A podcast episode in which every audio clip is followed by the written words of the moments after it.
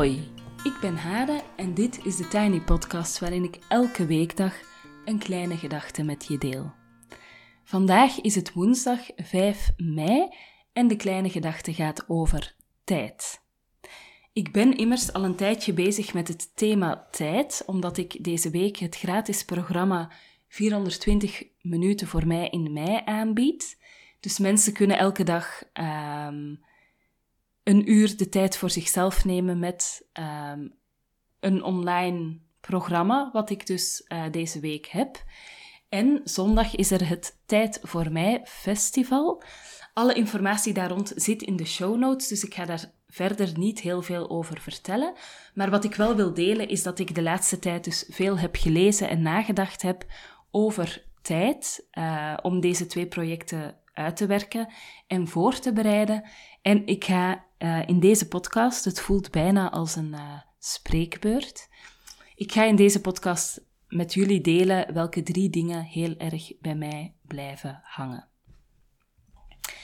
Het eerste uh, is het onderscheid tussen kairos en chronos. Dat is enkele jaren geleden gemaakt door filosoof Joke Hermsen.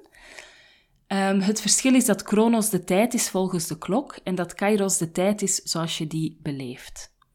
In Trouw zei ze daar enkele jaren geleden dit over. De Grieken maakten het onderscheid al, zij noemden de twee tijdsvormen chronos en kairos. Chronos is de wereldse, meetbare tijd, de tijd die we gebruiken om de samenleving in te richten, zodat we afspraken kunnen maken.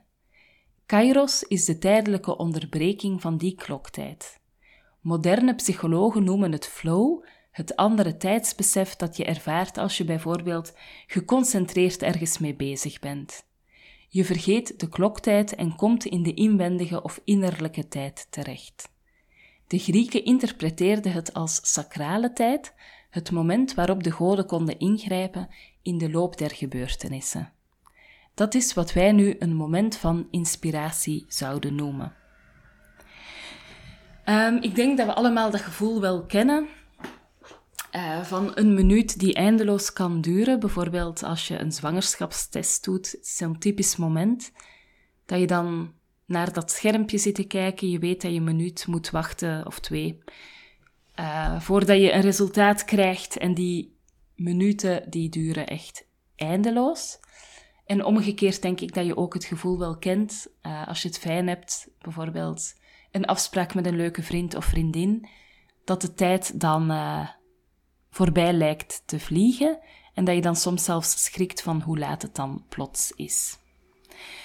Um, door mij te verdiepen in tijd zie ik dit onderscheid tussen chronos en kairos telkens terugkomen. Uh, vaak wordt het niet expliciet zo benoemd. Um, en ik heb ook ontdekt dat voor mijzelf alleszins geldt dat Kronos een voorwaarde kan zijn voor Kairos. Hè. Dus in dat onderscheid tussen Kronos en Kairos zit zo'n soort van idee dat Kairos-tijd beter is en dat we meer Kairos-tijd zouden moeten hebben. Maar Kairos-tijd hebben vraagt dat we eigenlijk die Kronos-tijd goed geregeld hebben en dat er een soort van eilandje kan zijn waarin niks dringend kan oppoppen, waarin niks urgent moet gebeuren, waarin we gerust zijn, zeg maar. En waarin we dus ons volledig aan die kairos kunnen overgeven. Um, het staat niet in mijn script voor de podcast van, van, vandaag, maar ik wil ook graag iets vertellen over deep time. Um, ik heb daar recent iets over gelezen. Er is een experiment gebeurd waarbij een groep van mensen, uh, ik denk 30 mensen, voor ik denk 40 dagen in een grot zijn ondergebracht in Frankrijk. Een grot zonder daglicht, waar de temperatuur constant 10,5 graad uh, is. En ze wouden eigenlijk onderzoeken hoe mensen, hoe het ritme van mensen is of evolueert als er geen externe elementen zijn, zoals um, daglicht, um, natuurlijke elementen, uh, als ik buiten kijk, zie ik blaadjes aan de bomen, dus dat vertelt mij dan dat het lente is. Dus stel dat al die elementen wegvallen, wat blijft er dan over van je ritme en je tijdsgevoel? Ik vond het super fascinerend om daarover te lezen. Er is ook een podcast over die ik binnenkort ga luisteren. Ehm, en wat ik alleszins al heel bijzonder vond, was dat een van de mensen die in dat experiment zat, na 40 dagen dus uit die grot werd gehaald. Um, en die had voor zichzelf wat proberen bijhouden um, hoeveel dagen er volgens hem voorbij waren. En dat waren er 24. Dus om een of andere reden had die man dus um, een natuurlijk ritme dat eenheden had die groter, veel groter waren dan een dag van 24 uur, zoals wij die met z'n allen hanteren. Vind ik super fascinerend. Wat ook heel fascinerend is, is dat dat onderzoek gebeurt omdat men wil inschatten um, als wij in heel extreme omstandigheden terechtkomen door bijvoorbeeld uh, klimaatproblemen of als we genoodzaakt worden om naar andere planeten te gaan, welk effect dat dan heeft op het gedrag van mensen. Um, je zou kunnen denken dat dit soort onderzoeken bijna absurd is, zijn. Um, dat het raar is dat er geld naartoe gaat, dat dat irre irrelevant lijkt. Maar de realiteit is dat er dus miljoenen naartoe gaan, omdat er een soort reële dreiging is dat we in de toekomst in crisissen terechtkomen, waarbij het belangrijk is om te weten hoe mensen reageren op het leven afgesneden van um, natuurlijke elementen die ons helpen ons te oriënteren in de tijd. Voilà. Um, het tweede wat ik geleerd heb in mijn tijdsonderzoek, uh, de kloktijd, die niet meer weg te denken is uit ons leven, die alles structureert en een bedding geeft die ervoor zorgt dat we van meeting naar meeting gaan, onze kinderen op tijd naar school brengen en om half zes met z'n allen aan tafel zitten, is er niet altijd geweest. Het is een vrij recent verschijnsel. Um, een hoogleraar geologie, Cynthia Servato, wijst erop dat de ontwikkeling van de kloktijd pas in de middeleeuwen op gang kwam en de manier waarop we ons leven ervaren ingrijpend heeft veranderd. We gingen vanaf dat moment wiskundige eenheden als werkelijker ervaren dan de beleefde werkelijkheid. En dat heb ik gelezen in het boek van Gary Ferguson, De acht grote lessen van de natuur, hoe wij verbonden zijn met alles wat leeft. Mijn hoofd slaat tilt als ik hierover nadenk. Stel je voor dat we zonder kloktijd zouden leven, dan zou dus niets van wat mijn leven nu is, van wat ik in mijn bedrijf doe, zou overeind blijven. Ik heb bijvoorbeeld gisteravond uh, om half negen online een meeting gehad met een groep cursisten. Al dat soort dingen, ook een dagelijkse podcast, nou ja, die zou misschien wel overeind blijven, want de dagen zijn natuurlijk wel afgebakende eenheden. Maar laten we maar zeggen, al die Zoom-meetings waar ik in zit, uh, de, het startuur van de school, de momenten waarop wij als gezin eten, al die dingen zouden wegvallen. En het lijkt mij heel moeilijk, of ik kan, niet, ik kan mij niet voorstellen wat er dan zou overblijven uh, en hoe het leven eruit zou zien zonder al die dingen. Ligt waarschijnlijk aan mijn gebrek aan fantasie. Dan um, het derde wat ik heb geleerd uit mijn onderzoek naar tijd is dat we blijkbaar meer vrije tijd hebben dan ooit van tevoren. Een citaat uh, door James Wallman uit het boek Tijd en hoe die te besteden. Wat als ik je eraan zou herinneren dat tijd je kostbaarste bezit is en dat, hoewel je waarschijnlijk denkt dat je erg weinig tijd hebt, de naakte, schokkende waarheid is dat je zeeën van tijd hebt. Dat geldt voor ons allemaal. Tegenwoordig hebben we meer vrije tijd dan ooit tevoren. Meer dan vijf uur per dag. Ik heb absoluut niet het gevoel dat ik heel veel vrije tijd heb, of heel veel tijd te koer, maar blijkbaar zijn er zeven redenen waardoor we dat gevoel hebben geen tijd te hebben. En drie daarvan geef ik even mee. 1. Onze tijd is duurder geworden omdat we meer per uur kunnen verdienen.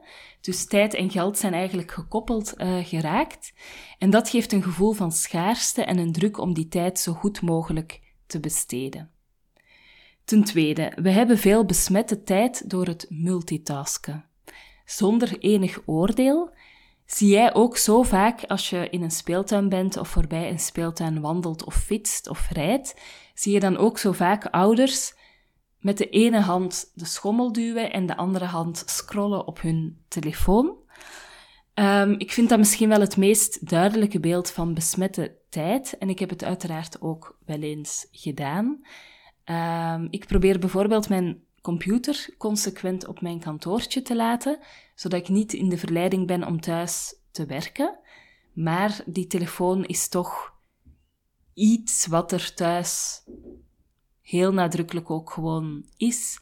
En wat de mogelijkheid geeft om snel dingen op te lossen, aan te pakken of um, te doen.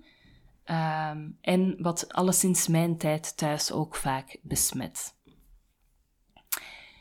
Ten derde, er zijn veel meer mogelijkheden dan we ooit kunnen verwezenlijken, uh, wat een gevoel van stress geeft en het gevoel dat je tijd tekort hebt. Ik denk in mijn puberteit, dat was zo de opkomst van het internet, uh, maar toen, als ik dan bij vriendinnetjes kwam, het geldt niet voor mij, ik ben opgegroeid in een boeken- en krantenwinkel, dus bij ons was er altijd veel te lezen, maar ik had zo'n vriendinnetje en daar kwam gewoon elke dag één krant. Uh, en die papa las dan de krant, heel, heel cliché. Um, naast mij, terwijl ik dit inspreek, uh, ligt mijn telefoon. En ik weet dat ik via die telefoon toegang heb tot honderden kranten uh, die ik kan lezen in allerlei talen, uh, uit allerlei landen enzovoort. En er is natuurlijk geen sprake van dat ik dat hele aanbod ooit tot mij kan nemen. En dat geeft een permanent gevoel van stress en druk. Namelijk, er zijn veel meer mogelijkheden dan dat we um, realistisch kunnen benutten. Um, waardoor je echt enorm veel druk krijgt op de tijd die je hebt. Voilà. Tot daar wat ik geleerd heb over tijd. Het gratis programma, ik heb natuurlijk wel meer geleerd, maar ik wou er even drie dingen uitlichten. Het gratis programma, 420 minuten voor mij in mei, helpt mensen dus om even tijd voor zichzelf te maken en wat kairos te creëren, door bijvoorbeeld te beginnen met even in hun lijf te komen met de yoga snack die er elke dag uh, in zit, door aan journaling te doen, uh, ook ruimte te maken voor reflectie en creativiteit um, en zich te laten voeden door een gedachte. Uh, ik krijg elke dag fijne reacties van mensen die de tijd voor zichzelf als deugddoend ervaren en dat ook even laten weten, vind ik altijd heel leuk. Je kan nog instappen in het programma via de link in de show notes. En vandaag is er ook het keuzeformuliertje de deur uitgegaan voor de workshops van het Tijd voor Mij festival op zondag. Super spannend. Uh, ik vind het heel leuk om de eerste reacties te zien binnenkomen en te zien dat er al een mooie verdeling is tussen de vier workshops. Natuurlijk heel spannend als je zoiets organiseert, dat je dan het risico loopt dat iedereen voor dezelfde workshop kiest en dan, uh, nou ja, dan gaat het mis natuurlijk, of dan moet je toch weer wat gaan verzinnen. Maar de eerste resultaten zien er goed uit. Um, en ik wil ook nog vertellen dat we naast de workshops een live concert hebben van Anne, en die laat ik dadelijk even aan het woord. Hoi, mijn naam is Anne Ermens en ik werk als zangeres en vocalcoach. Toen ik een jaar of acht was, toen weet ik dat ik nog een liedje schreef over de bruiloft met mezelf. Ik schreef daarin dat ik mezelf dan zou bewonderen in de spiegel in mijn witte jurk en dat ik mezelf trouw zou beloven en, en plechtig zou zweren dat ik voor altijd goed voor mezelf zou zorgen en lief voor mezelf zou zijn. Het zou eigenlijk het perfecte nummer geweest zijn om te zingen aanstaande zondag. Maar helaas vrees ik dat het ergens verloren is gegaan in de schriften bij de doos op de zolder van mijn ouders. Gelukkig ben ik op zoek gegaan naar andere liedjes rondom het thema voor jezelf zorgen, de tijd nemen voor jezelf. En uh, dat is gelukt.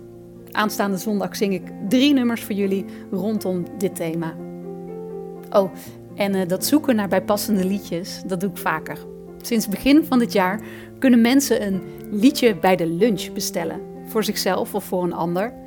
Ik kies dan een liedje uit rondom een bepaald thema, zoals bijvoorbeeld een uh, verjaardag, een bruiloft een, of een liedje van troost voor ook vervelende gelegenheden. En uh, de ontvanger hoort en ziet mij dan live zingen en muziek spelen, terwijl er op de achtergrond een boodschap van de verzender zichtbaar is, door middel van een greenscreen.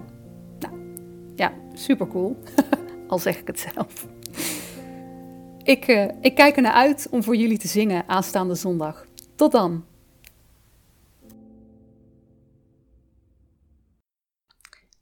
Voilà, dat was de mooie stem van Anne, die je zondag dus uh, zingend kan horen. Ik hoop echt dat je erbij bent zondag. Zou mij heel veel deugd doen. Dit hele project is best spannend uh, om te organiseren. Uh, en het doet mij gewoon heel veel deugd om te zien dat mensen zich aanmelden en dat mensen mij ook steunen. Dus heel erg bedankt daarvoor. Tot zover de Tiny Podcast voor vandaag. Je kan me volgen op Instagram, TheTinyPodcast. Je kan je abonneren via een podcast-app of Spotify, dan krijg je dus telkens de nieuwste afleveringen in je overzicht. Het helpt mij als je de podcast deelt op social media of hem een keer doorstuurt naar iemand die er ook graag naar luistert. En voor vandaag wens ik je een heel fijne dag en heel veel goeds. En tot morgen.